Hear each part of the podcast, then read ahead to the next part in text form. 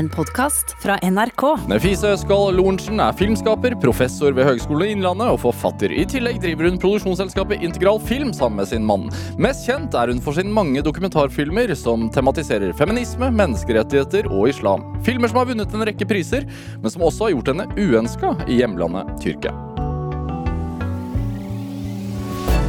Dette er Drivkraft med Vegard Larsen i NRK P2. Nefise Skall Lorentzen, velkommen til Drivkraft. Tusen takk. Hvordan har du det? Vil du høre Hvilken versjon vil du høre? Den sanne. Alltid okay. den sanne. Ok, den sanne versjonen. Uh, jeg er veldig tankefull. Uh, I disse dagene så jeg tenker veldig mye om mine venner som har fått 18 års fengselopphold i tyrkiske fengselet i Silivri. Eh, men samtidig jeg tenker at eh, hmm, jeg må bruke liksom kunnskapen jeg får fra flyvertinnene. For når du flyr, og så flyvertinnen sier at hvis det skjer et eller annet krasj, så først du må ta gassmasken for deg selv, og så etterpå til barn. eh, eller dine eh, nærmeste. Så jeg prøver å få den gassmasken først til meg selv, og så prøver å få min kraft, at jeg kan i en måte jobbe videre med min eh, aktivismearbeid til Tyrkia. Også formidle hva som skjer i Tyrkia, hva som skjer til mine venner, som skal kanskje bo i et tyrkisk fengsel i Silivri. Hvorfor har de blitt fengslet?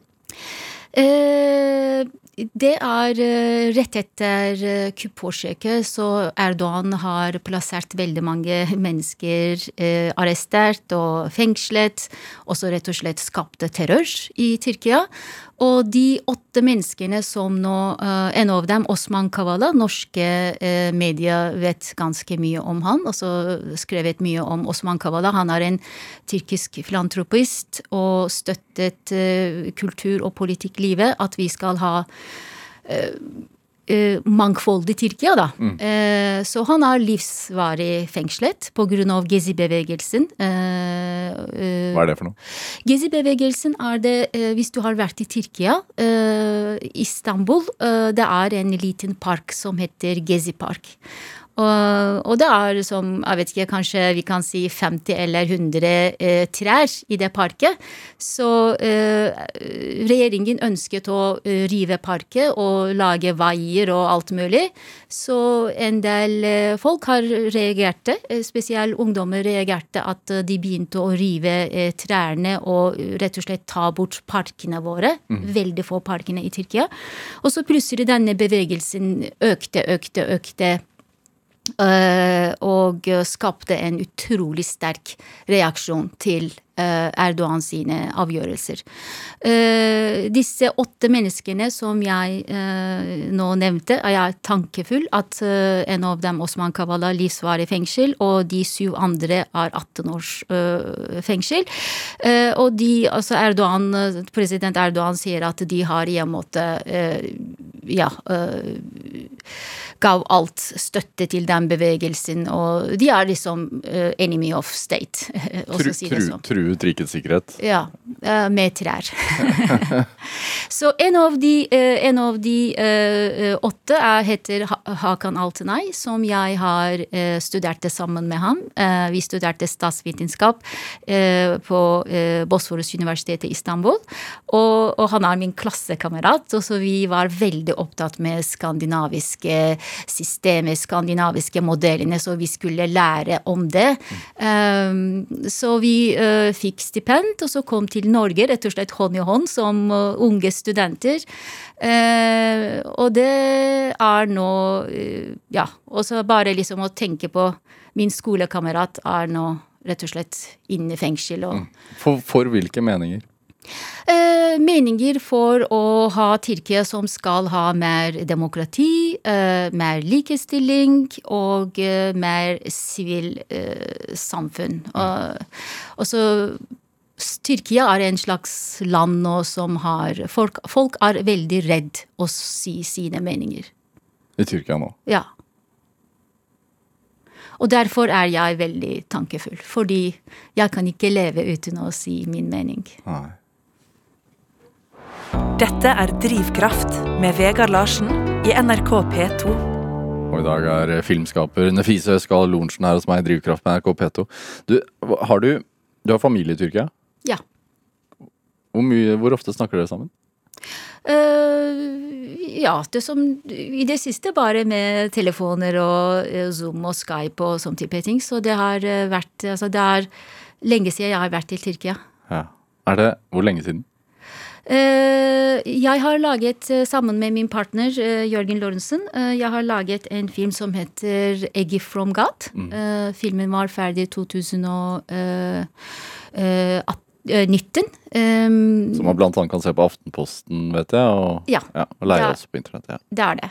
Uh, filmen, handlet om, filmen handlet om kuppforsøket i Tyrkia, og det var veldig som kritisk hva som skjer i Tyrkia. Og det er en egentlig uh, som gravende journalistikk. Uh, I denne filmen intervjuet vi mange forskjellige uh, journalister og uh, politikere. Uh, og også Gulen, som er en av de hovedfiendene til president Erdogan, men de var veldig gode venner i mange, mange år. Mm. Opposisjonspolitiker, eller? han er en som religiøs hva kan jeg si, som imam eller ja. Eh, eh, predikant som bor i USA. Eh, veldig som kontroversiell figur. så vi har intervjuet ham som du vet, som journalist, så du kan intervjue utrolig mange mennesker som du ikke er nødvendigvis enig med hva de sier, men det er jobben din er i en måte formidle mangfoldet i samfunnet, eller mangfoldet i tematikken som du driver med. Og da eh, vi var ferdig med den filmen, 'A Gift from God', mm. så vi inviterte tyrkiske eh, ambassadøren eh, i en lunsj på Aker Brygge. Mm. og så adverte han at det er ganske mange kontroversielle eh, personer i denne filmen, eh, men han er veldig velkommen. Eh, vi også ga et brev til tyrkiske ambassadøren at vi ønsket at dette brevet skal sendes til president, president Erdogan. at vi ønsket også uh, intervjue ham i denne filmen, men vi har ikke hørt uh, noen ting. Så vi har gjort alt med formaliteten. Mm. Uh, I den lunsjen så ambassadøren sa til meg at uh, jeg er en forræder når jeg lager denne filmen, som han ikke har sett. Uh, fordi i denne filmen er det Gulen er i filmen. Så det er litt sånn kritisk tenkning. Hvor er det? Mm. Hvis du har en eh, hva kan du si, hvis du har en eh, modell i filmen, betyr det ikke som at du, en, du skal være modell. Altså, det er litt sånn ja, Det er helt uforståelig. Mm. Og sa at du ikke kunne reise dit? Uh, jeg har ikke fått som offisiell beskjed at uh, jeg kan uh, havne hvor mine venner er. men jeg har fått beskjeden fra tyrkiske ambassadøren at siden jeg har laget uh, Egg from God, mm. så jeg er rett og slett enemy of state. ja, det er ikke den tyrkiske ambassadøren her for å, for å forsvare seg eller snakke om det, han, men, men, men, men er det han, han, har faktisk prøvd å stanse filmvisningen. Ja. Er det når, når, du sier at du, du blir tankefull uh, Hvordan vil du beskrive Tyrkia i dag kontra det Tyrkia som du vokste opp i? Og så eh, Tyrkia, Tyrkia, har hatt alltid sine problemer og, og sine eh, også veldig mange positive sider. Eh, men, eh, men, hva vi mister nå, er rett og slett ytringsfrihet. Mm. Eh, og vi mister også eh, mangfold. Og så tenk på det at det er som en, en uh, folkevalgt politiker, uh, Selatin Demirtas. Uh, han er leder til HDP, og han er i fengsel. og så det er liksom Det er, det er bare Hva kan jeg si som intelligensie i Tyrkia. Mm. Enten de bare reiste bort, eller de er fengslet. Og Tyrkia er en av de landene i verden som har mest journalister som er i fengsel. Mm. Ble du overrasket i forhold til Tyrkia har vært litt i vinden i det siste her hjemme også pga. eh, motstand mot eh, finsk og, og svensk Nato-medlemskap. Mhm. Overrasket det deg? Eh, også det er som Erdogan er, eh, ønsker å i en måte vise seg, vise eh, makten sin eh, til verden. Også det er også ganske trist, faktisk, hvordan Europa også behandlet Tyrkia i hele EU-tiden. Eh, Hvordan da? Og det er liksom Skal vi ha dere, ikke ha dere, skal vi ha dere, ikke ha dere. Så det er som at jeg måtte, Tyrkia er alltid litt som hva kan jeg si, som limbo stage. Det står i en spagat. Ja. Ja. Uh, og det er uh, også Det er også veldig viktig som Europa også må bare akseptere. Altså Tyrkia er en del av Europa. Eh, men hvis du ser hva er egentlig EU, er det litt som Ok, Europeisk Union pluss du har, vi har samme religion, eller Europeisk eh, Union som vi har mangfoldighet. Så, så det er eh, Jeg tror det er som at Tyrkia har som en dobbeltforhold når det gjelder om uh, dobbeltstemme som Europa også har brukt mot Tyrkia. Hva gjør det med den tyrkiske identiteten? Er den også i en spagat? Uh, tyrkiske identiteten, du spør meg personlig, Ja. og den er aldri, aldri liksom uh, borte. Den lever med meg utrolig sterk. Jo, men den, i forhold til den limboen, altså den spagaten, er man en del av Europa eller ikke? Eh, hvis, du, hvis du spør som hvordan tyrkere føler, eh, så jeg tror vi føler litt som uh, kanskje i ja, mellom. Eh, men det er vi også mellom. Ja. Så også jeg føler at eh, personlig min identitet går til eh, Middelhavet eh, og Midtøsten og Europa. Så jeg har i en måte føler at jeg har tilknytning til alle disse områdene, så det er ikke bare Europa. I forhold til at det er en del Altså at det er begrensninger av ytringsfrihet, at man blir fengslet på bakgrunn av meninger, eh, legning. Mhm, -hmm. ja, det er ikke Ja, det kan være en grunn. Eh, og at er, blir, blir man Går man gjennom en domstol for dette her, eller hvor, hvordan? For legningen. Nei, for, for meningene, eksempel. Altså de vennene dine som, er- sitter i, som har blitt havnet i fengsel nå. Har de blitt dømt? Absolutt. Ja, Ja. de, de sitter i fengsel nå. Men er det en reell Altså, det er en, rettsavgjørelse? Det er en merkelig rettsavgjørelse, og det kan jeg si at eh, Norsk Penn, eksempel, har fulgt eh, hele eh, rettsavgjørelsen i, i de siste årene. Mm. Eh, og det er som at eh, de har, eh, hva kan jeg si, de, eh, Osman Kavala og, eh, og Hakan Altenay og, og, og den gruppen, de har eh, 657 sider lang eh, ja, til, altså tiltalen, øh, men det virkelig mangler bevis. Også når du leser øh, tiltalen, altså det er øh, Du bare lurer på er det virkelig rettsstat, eller er det en som comic-bok? Ja.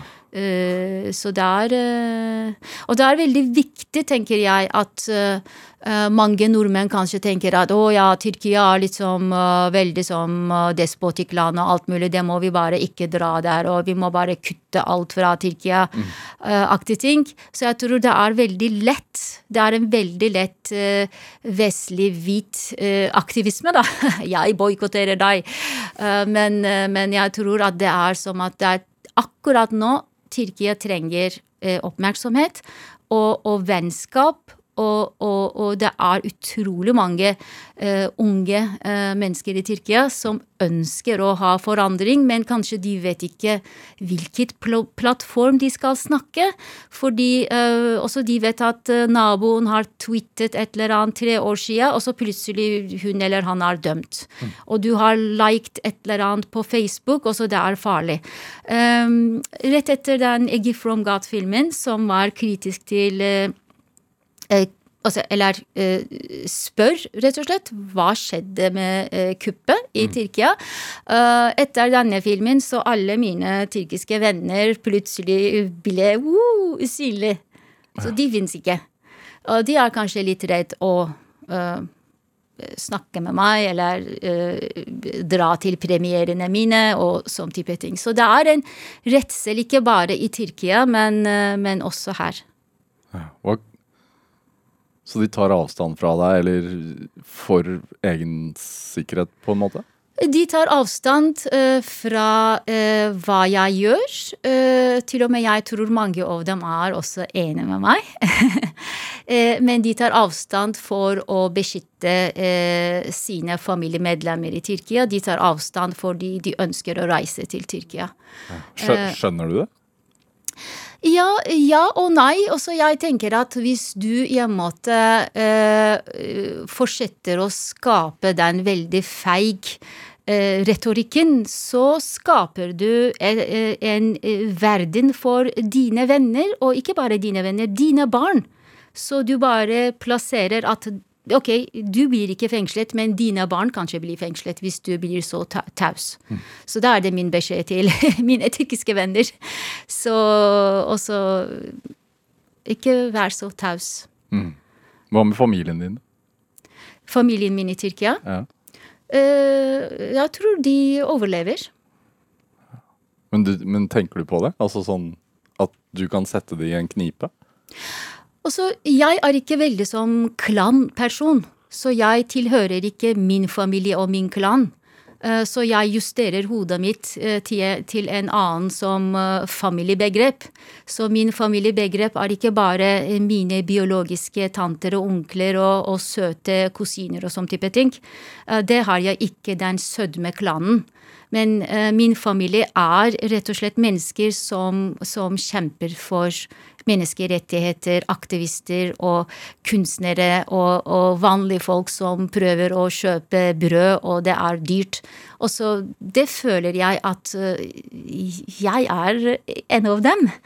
Jeg er med, og jobben min nå, at jeg har fått så mye som, som jeg har fått oppdrag fra den flyvertinnen. Jeg har fått eh, Ja, jeg har rett og slett eh, tok gass først meg selv, og så prøver å gi hjelpe til de andre hvis det skjer en krasj. Er det uh, sånn som du sier at man skal ikke boikotte? Det er, mange, det er sommerferie snart, mange reiser jo til Tyrkia. Mm -hmm. Bør man det?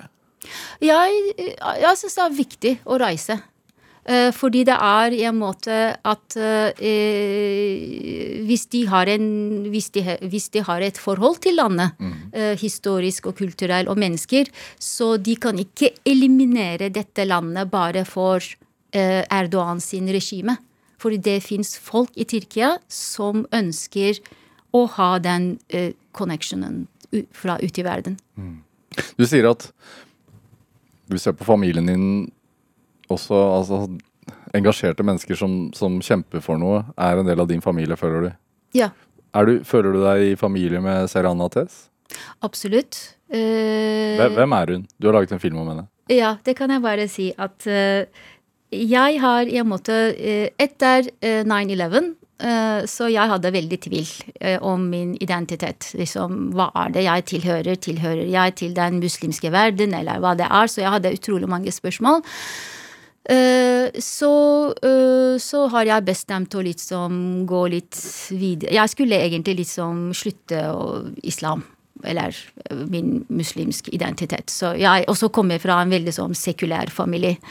Men jeg begynte å jobbe med disse filmene. Og så jobbet jeg med Gender Me, som ble vist i NRK om islam og homofili, og det var 2008. Hvor du rett og slett reiser rundt og undersøkte homofili innenfor islam? Ja. ja. Eh, og så jeg har laget eh, den triologien. Den andre filmen heter 'Ebolum for Allah'. Eh, det er om islam og feminisme, og der jeg også brukte meg selv. Eh, og reiste rundt og, og, og stilte spørsmål om hva passer islam-feminisme, uh, hvordan det er. Og den tredje var det uh, mann-islam, uh, som handler om islam og maskulinitet. Menn det, som kjemper for endring for kvinner innenfor islam? Absolutt. Ja. Fordi da er det litt som vi ikke vet at det finnes rett og slett gode muslimske menn, så alltid litt som folk har mange fordommer om det. så er det jeg reiste til Indonesia, Pakistan, Bangladesh, Tyrkia og Kuwait og har virkelig samlet menn som ønsker å ha som uh, gender uh, revolution, eller reformation, ja, innen islam. Kjønnsrevolusjon i islam. Ja. ja. Og så eh, tenkte jeg ok, så jeg skal også jobbe med en film om kvinnelige imamer.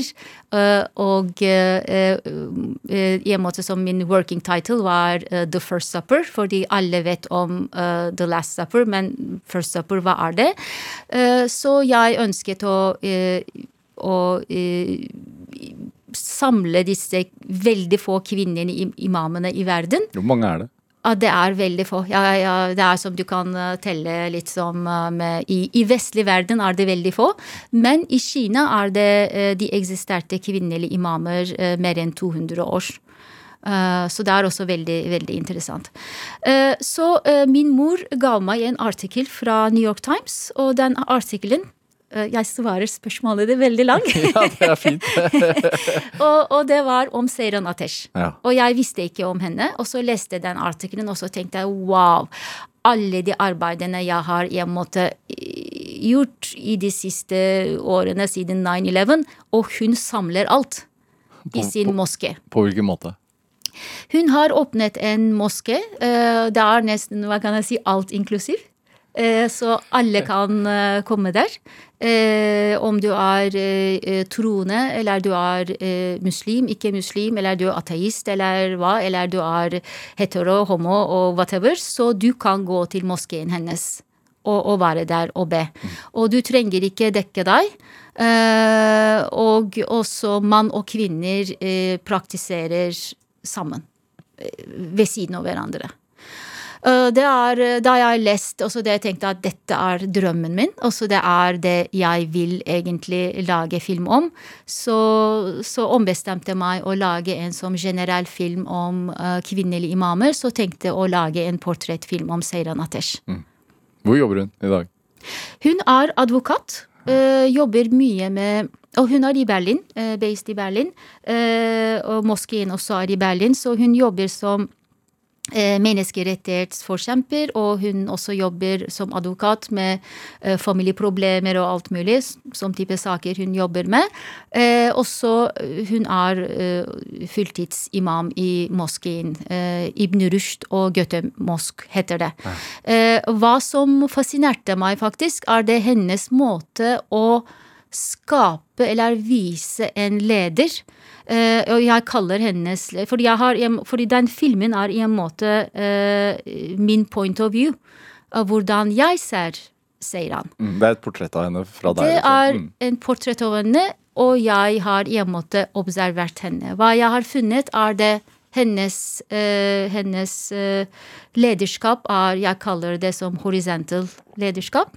Og, og hun i en måte in, inkluderer alle. Eh, og hun har ikke som veldig eh, hierarkiske system i eh, sin gruppe. Det fascinerte meg veldig, faktisk. Første gang jeg traff Seiran, så hun bærte en stor bord. Eller hun ordnet moskeen, så hun eh, ja, beskyttet Hun er, eh, hun er det mest beskyttet eh, sivil kvinne i Europa. Politibeskyttet, ja. Ja. Lever under politibeskyttelse 24 timer i døgnet. Absolutt. Hvorfor er hun så omstridt? Eh, eh, både hun eh, har eh, i en måte som advokat hun har eh, kjempet for eh, kvinners rettigheter eh, i, i Tyskland. Minoritetskvinners rettigheter og æresdrap og eh, som type saker som hun har jobbet med, eh, eller som barneekteskap hun har jobbet med.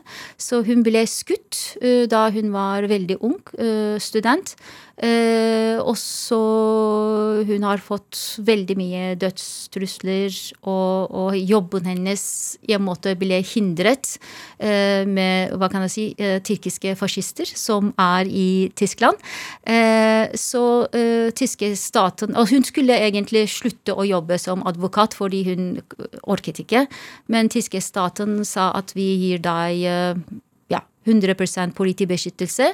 Du gjør jobben din fordi det er en del av vår uh, ytringsfrihets... eh, uh, hva kan jeg si? plattform.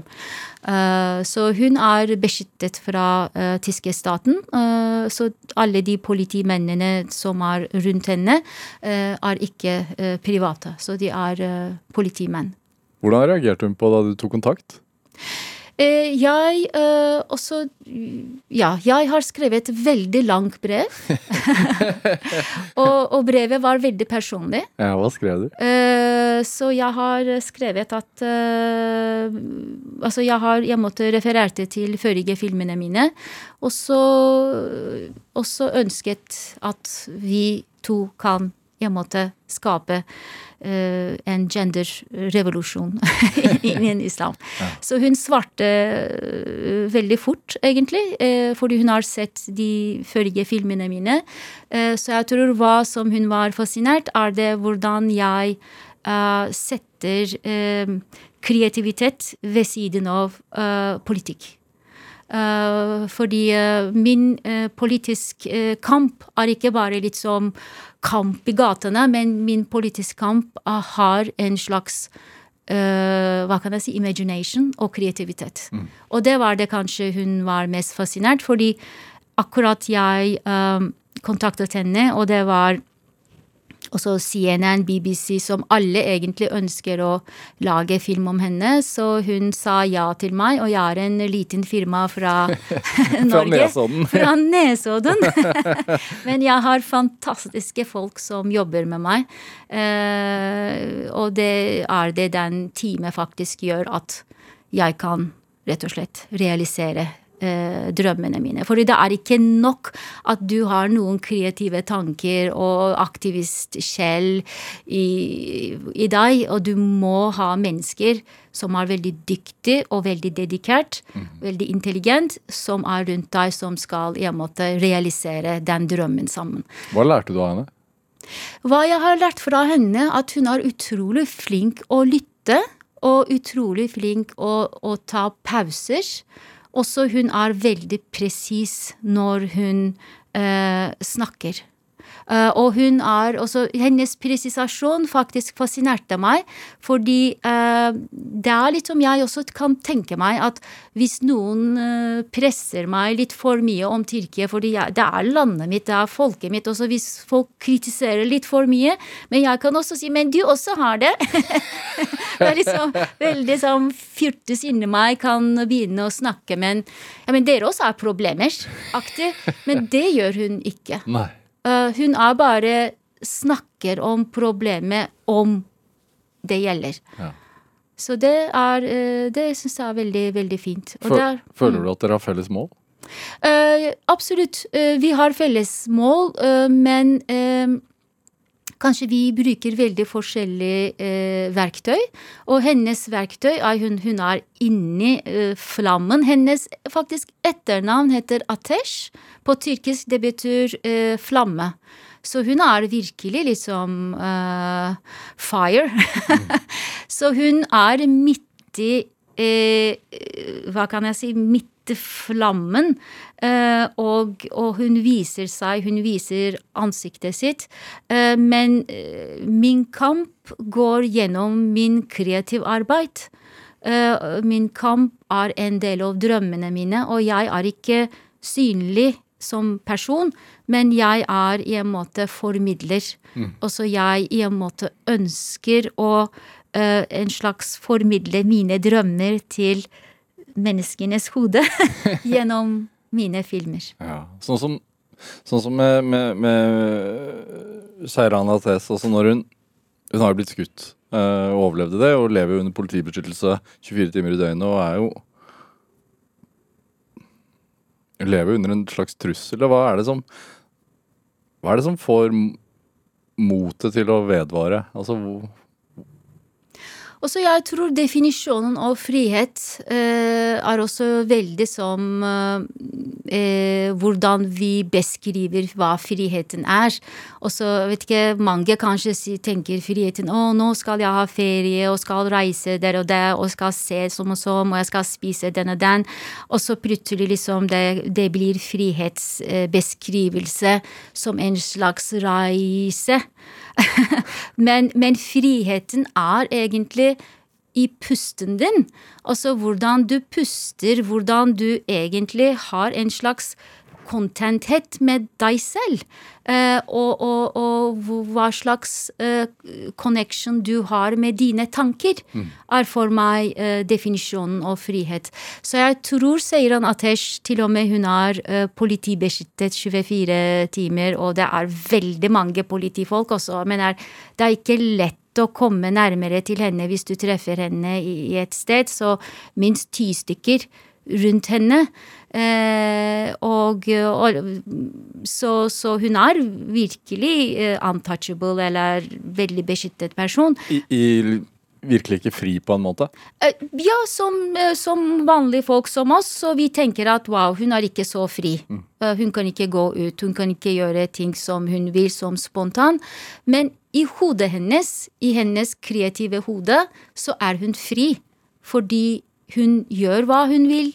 Hun kan gjøre hva hun vil pga. Uh, disse politi, uh, politiene som hun kaller uh, My Angels. Nefise, uh, vi skal spille litt musikk. Ja. Du har med en Fie-låt som heter Glue. Hvorfor det?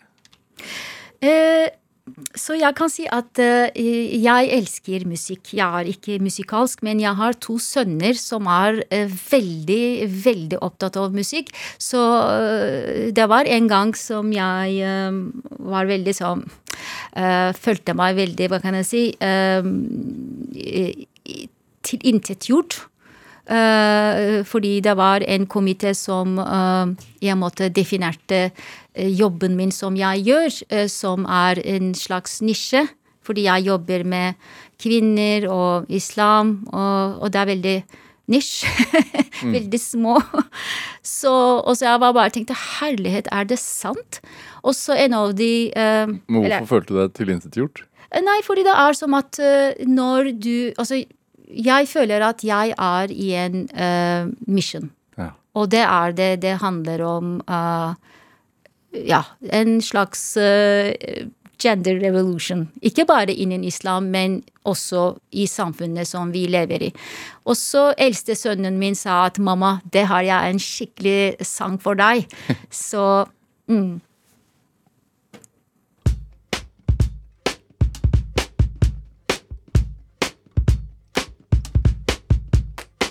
Old ways they might fade, but they're sticky like glue. young girl's ways. Now you don't know, you don't you? All these old men cannot tell me what to do. Oh, oh, oh, oh. Thinking all night, cause the doubt is sticky too. Yes, I got a thousand references, sir, just like you. All these old men cannot tell me what to do. Oh, oh, oh, oh, oh.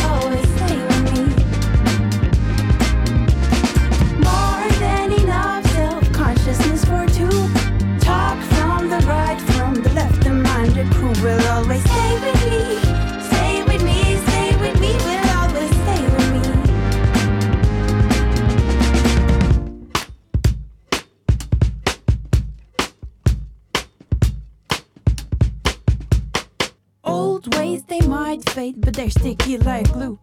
Young girls' ways, no, you don't know, you don't you. All these old men cannot tell me what to do. Oh, Oh, oh, oh, I have been listening and watching from my room. Cook and stir, yes, I keep it in the womb.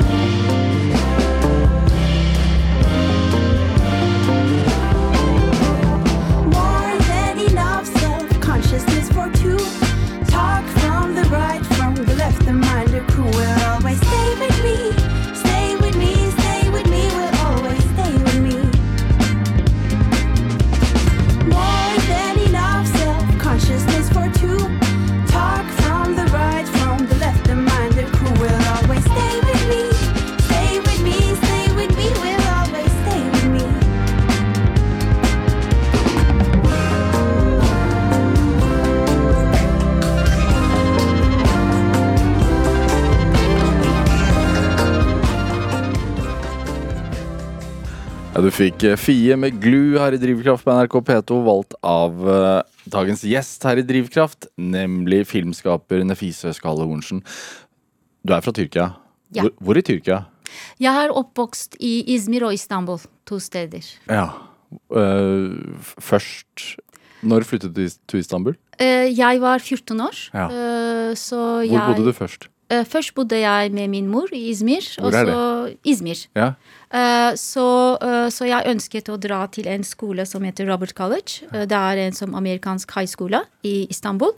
Så, og, og jeg måtte jobbe og ta masse eksamen, og i hemmelighet, så familien min visste ikke egentlig. Jeg forberedet meg for den eksamen.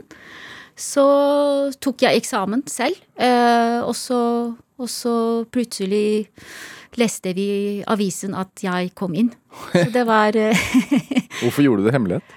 Eh, fordi eh, ja, jeg bare ønsket å, å, å ha den friheten. Ønsket å bo på skolen. Eh, og det var en veldig, sånn, veldig viktig skole, faktisk, fordi mange eh, tyrkiske intellektueller har vært der, og så jeg virkelig så opp til dem. Og så jeg ønsket å dra til skolen som de har vært. Hvordan vil du beskrive barndomshjemmet? Uh, min barndom. Mm. Uh, eh, ja, hva kan jeg si? Jeg tror jeg var veldig tankefull barn. Eh, og, og jeg, eh, siden jeg var veldig tankefull, så jeg var veldig fikk at jeg hadde en slags oppdrag å underholde mennesker rundt meg. Så jeg hadde som en dobbeltrolle, Ja. egentlig. Intellektuelt hjem? Uh, ja, mamma var barn... Eller mamma uh, bor også i Norge nå. Hun, er, hun var barnelege, og så pappaen min var også lege. Uh, men jobbet på universitetet. Han var forsker. Eh, og de var skilt da jeg var seks år. Eh, men eh, også min far fikk en stipend, eh, kom til Norge da jeg var tre år. Så vi bodde i Bergen. Mamma, pappa og jeg. Ja. Ja. Er det Ditt engasjement, er, kan man spore det til din mor?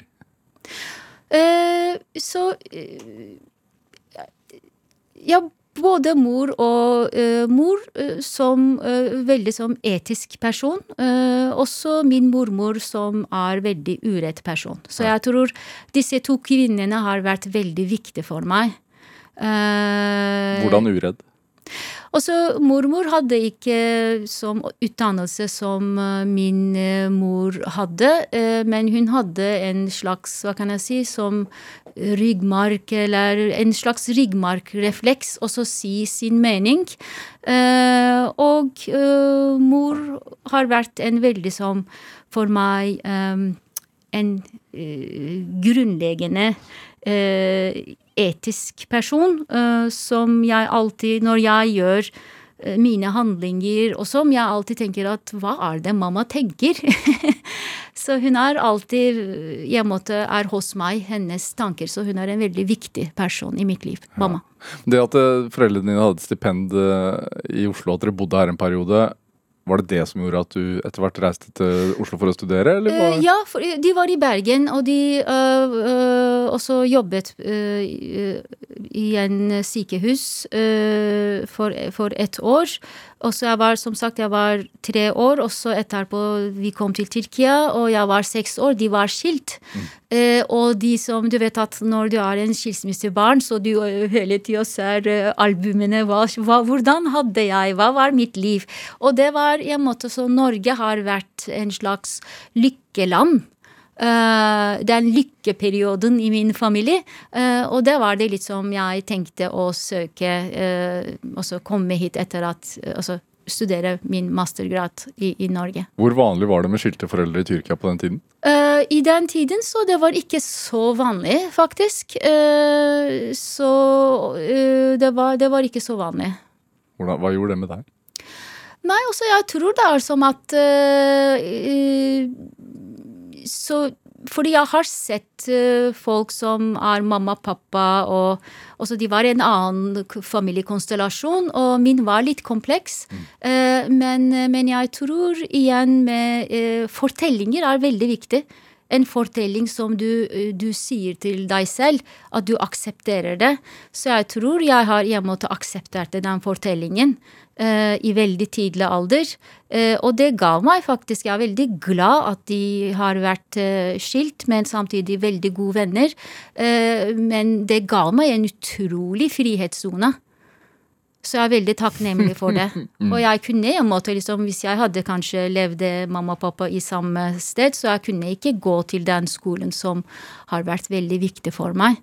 Så, og det er som at kanskje eh, skilsmissen i en måte gir deg en annen type kraft. Altså du, du er opptatt av friheten, du er opptatt av eh, hvordan du skal i en måte skape et bedre liv til, til deg selv. Er du opptatt av det, og alltid se det positive i i enhver situasjon? Også jeg har ikke luksusen å tenke til negative, faktisk. Jeg kunne ønske å bare være litt som Hva kan jeg si? Og, og konsentrere om de negative. Men eh, av og til kanskje jeg gjør det. Men, men, men, i mitt liv så jeg må også se det positive, og så finne kraften. Mm. Eh, og det er, det er viktig. Hvorfor ble det film, og ikke en mer hva skal man si, akademisk retning? Og jeg er altså jeg jobber i uh, Jeg jobber på TV-skolen som 50% som professor nå. Uh, men også jobber jeg med mine prosjekter, hva kan jeg si, 200% så, uh, så jeg er Altså for meg å jobbe i akademia er ganske viktig, fordi den, der treffer jeg unge mennesker som virkelig utfordrer meg og inspirerer meg. Den inspirasjonen for meg er livsviktig. Jeg må ha kontakt med de unge. Den jeg kan jeg måtte utvikle meg. Uh, men, uh, men samtidig, jeg er en kunstner. Jeg er mer kunstner enn akademiker, kanskje. Så hvis jeg hadde mulighet, eller hvis jeg uh, Ja, jeg kunne ønske å skrive dikt det er det jeg føler metaforenes verden er i en måte verden min. Men det kunne kanskje, jeg vet ikke 200 mennesker kan lese diktene mine, og så vi kunne bare snakke og bli glad og deprimert og alt mulig. Men film mm. er i en måte når jeg lager film Som sagt, jeg har en fantastisk team som jeg elsker å jobbe med dem. De utfordrer meg helt uendelig. Eh, og når vi skaper filmen sammen, så er det når filmen er ferdig. Så det er ikke min. Det er bare Det går ut i verden. Det bare ut i verden flyr. Eh, der er det millioner mennesker som ser. Du bor på Nesodden og, og, driver filmselskap sammen med mannen din, eh, ja. Jørgen Lorentzen. Er det Var det planen?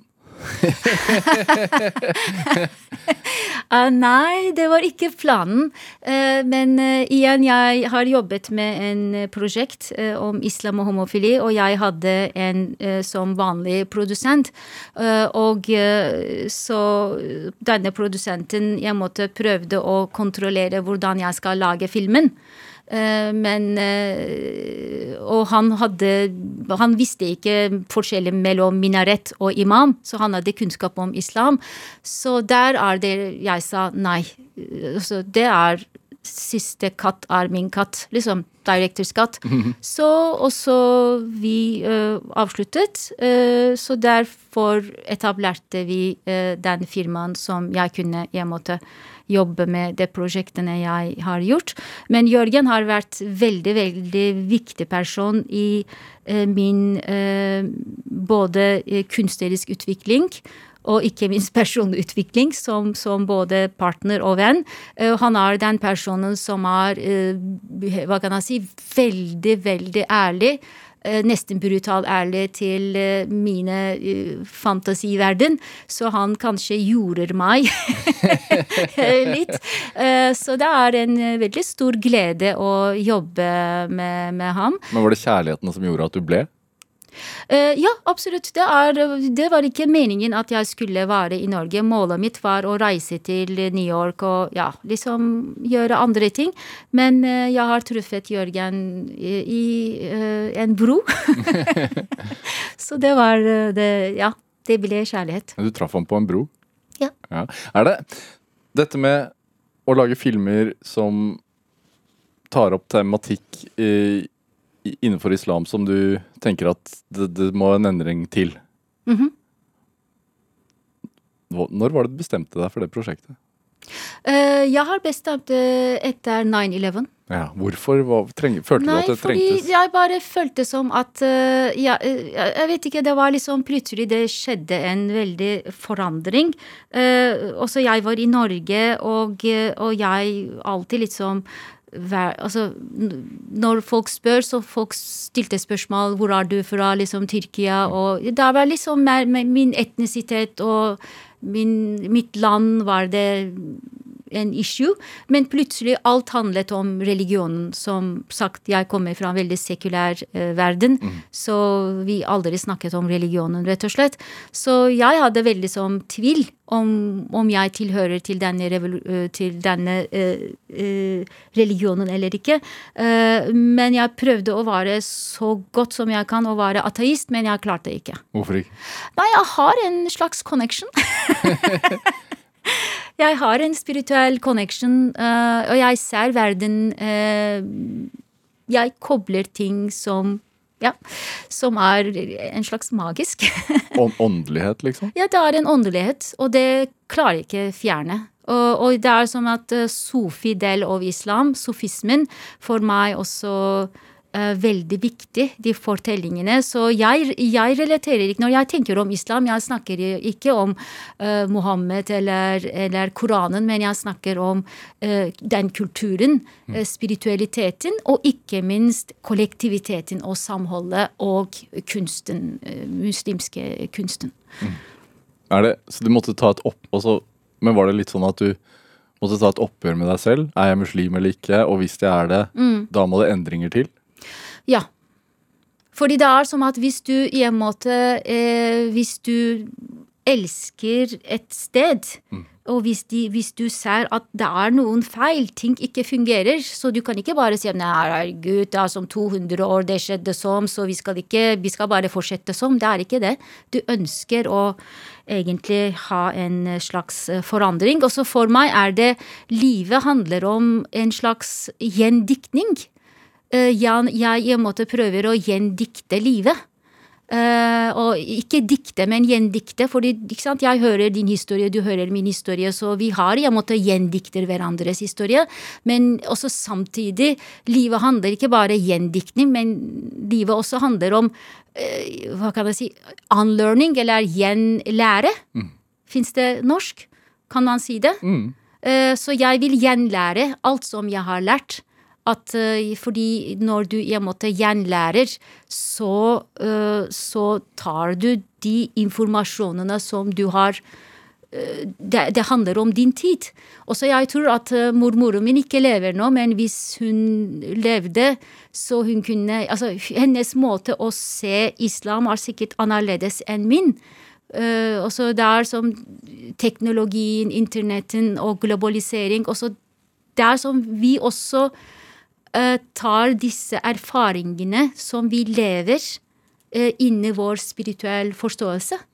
Så egentlig alt er en slags flow. Uh, og og det, det, det, den bevegelsen for meg er veldig fascinerende. Hvordan blir filmene dine mottatt da, i, av andre muslimer? Uh, den siste filmen min uh, har vært eh, nesten 50 veldig, veldig gode festivaler som Hot Dogs, Copenhagen Dogs og eh, også San Francisco og, og egentlig overalt. Eh, og eh, nederlandske ambassaden også viser filmen eh, i sine venuer overalt i verden. Og, og de viste i eh, eh, Ramallah og Bagdad, Singapore, eh, Malaysia. Eh, og filmen også skal vises nå eh, faktisk eh, i ja, forskjellige steder, og så håper at vi jobber med det, at det skal også vises i Tyrkia. Så veldig mange muslimske områder viste filmen. Og, og de andre festivalene som i vestlig del av verden, også en del muslimske ja, folk som har muslimsk bakgrunn, var på, eh, i, i publikum. Eh, så jeg har fått en veldig, veldig positiv respons, og spesielt fra unge generasjoner, fordi de vil ha forandring. Og jeg tror filmen også gir en inspirasjon. eh, at forandringen kan skje hvis du gjør en action. Det er ikke som at du sier at 'jeg vil ha vann'. Jeg vil ha vann. Og jeg vil ha. Altså, du, må, du må bare gjøre en action. Du må bare finne ut hvordan du skal få vann. Og hvis vi skal ha en forandring uh, i vår religion, uh, så det må vi i en måte gjøre en action. Koster engasjementet ditt noe? Uh, om det koster Hva mener du med koster? Ja, om det har noen kostnader for deg? Og så er det noe, nå mener jeg ikke økonomiske, men Ja. mer personlige. Uh, så det er, det, det er som jeg tror ord koster for meg, er veldig som negativt ladet ord. Uh, så jeg kunne uh, Nei, altså det, Hva som skjer, at det gjør meg veldig tankefull, er det de menneskene som jeg vet de vil ha frihet. Jeg vet de vil ha ytringsfrihet. Jeg vet de vil ha eh, bedre Tyrkia, for eksempel. Eh, og de er så stille. Og det koster meg veldig å se menneskenes feighet. Det koster meg veldig. For det gjør meg vondt. Men min uh, engasjement, om jeg i en måte kan ikke reise, eller jeg uh, er noen ganger litt redd når jeg eh, er eh, Selvfølgelig når jeg går til en uh, venue som jeg visste filmen, og jeg aner ikke hvem som sitter, uh, så jeg vet ikke, noen bare plutselig hopper og gjør et eller annet. Så jeg, sant? jeg har den usikkerheten. Uh, men det koster ikke meg. Fordi jeg, jeg er helt en annen state of mind. Eh, så jeg tenker også som at ja ja, hvis det skjer, det er skjebnen min, men det skal ikke skje. Eh, men det koster meg veldig å se eh, hvor feig mennesker er. Det koster meg. Det gjør meg vondt. Eh, fordi feigheten nå skaper at vi ikke gir bedre liv til neste generasjon. Er det Tror du på skjebnen? Tror jeg på. Skjebnen? Du sier at da er det skjebnen. Eh, altså, jeg tror på at eh, det, er, det er noen ting som jeg ikke kan kontrollere. Også jeg kan planlegge masse, og jeg, mitt liv går veldig mye planlegging. Men også plutselig ting skjer. At, eh, også for eksempel med å jobbe som dokumentarist, så du tar utrolig mye sjanser. Og så eh, for eksempel, jeg reiste til Kina sammen med Seiran, og vi har organisert det. Alt var helt perfekt organisert. Jeg har ikke organisert det så bra i mitt liv, men vi ble stanset av politi der og hadde som en avhør som nesten ni timer. Og så det er liksom, ting er ikke eh, Altså, du kan planlegge så bra som mulig, men, eh, men plutselig det kommer en stans. Men denne stansen er egentlig en fantastisk nøkkel for en bedre vei. Så jeg tenker på litt som uh, Hvis du tenker om døden. Dødens tegn er flat. Beep-lyden, ikke sant? Men livet er bip, bip, bip, bip. så også det tenker jeg at Og det er det som opp og ned og opp og ned og opp og ned, og det er den en del av eh, livet. Uh, og så Jeg vet ikke om det er tro på skjebnen, ikke tro, jeg, ikke det ordet, men jeg tror det er, som, det er noen ting som er ikke i min kontroll. Du skriver jo også, da, men hvorfor er film et sterkere medium, tenker du? Også filmen er veldig sterk fordi jeg tror at eh, bare med ett bilde kan du fortelle utrolig mye ting. Eh, for at du skal skrive om dette bildet, så trenger du kanskje tre-fire sider. Eh, og den som kjappheten som film kan i en måte kommunisere med publikum, og det er uten ord.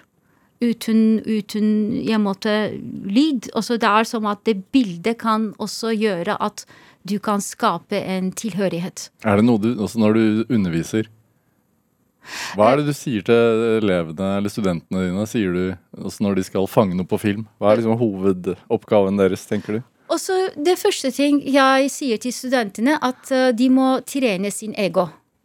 Og det er det hvis du ikke trener din ego, eh, fordi ego er veldig farlig. Eh, og også den andre ting, at de skal avmystifisere de fantastiske tankene sine. Og ikke minst, de skal avmystifisere lærere.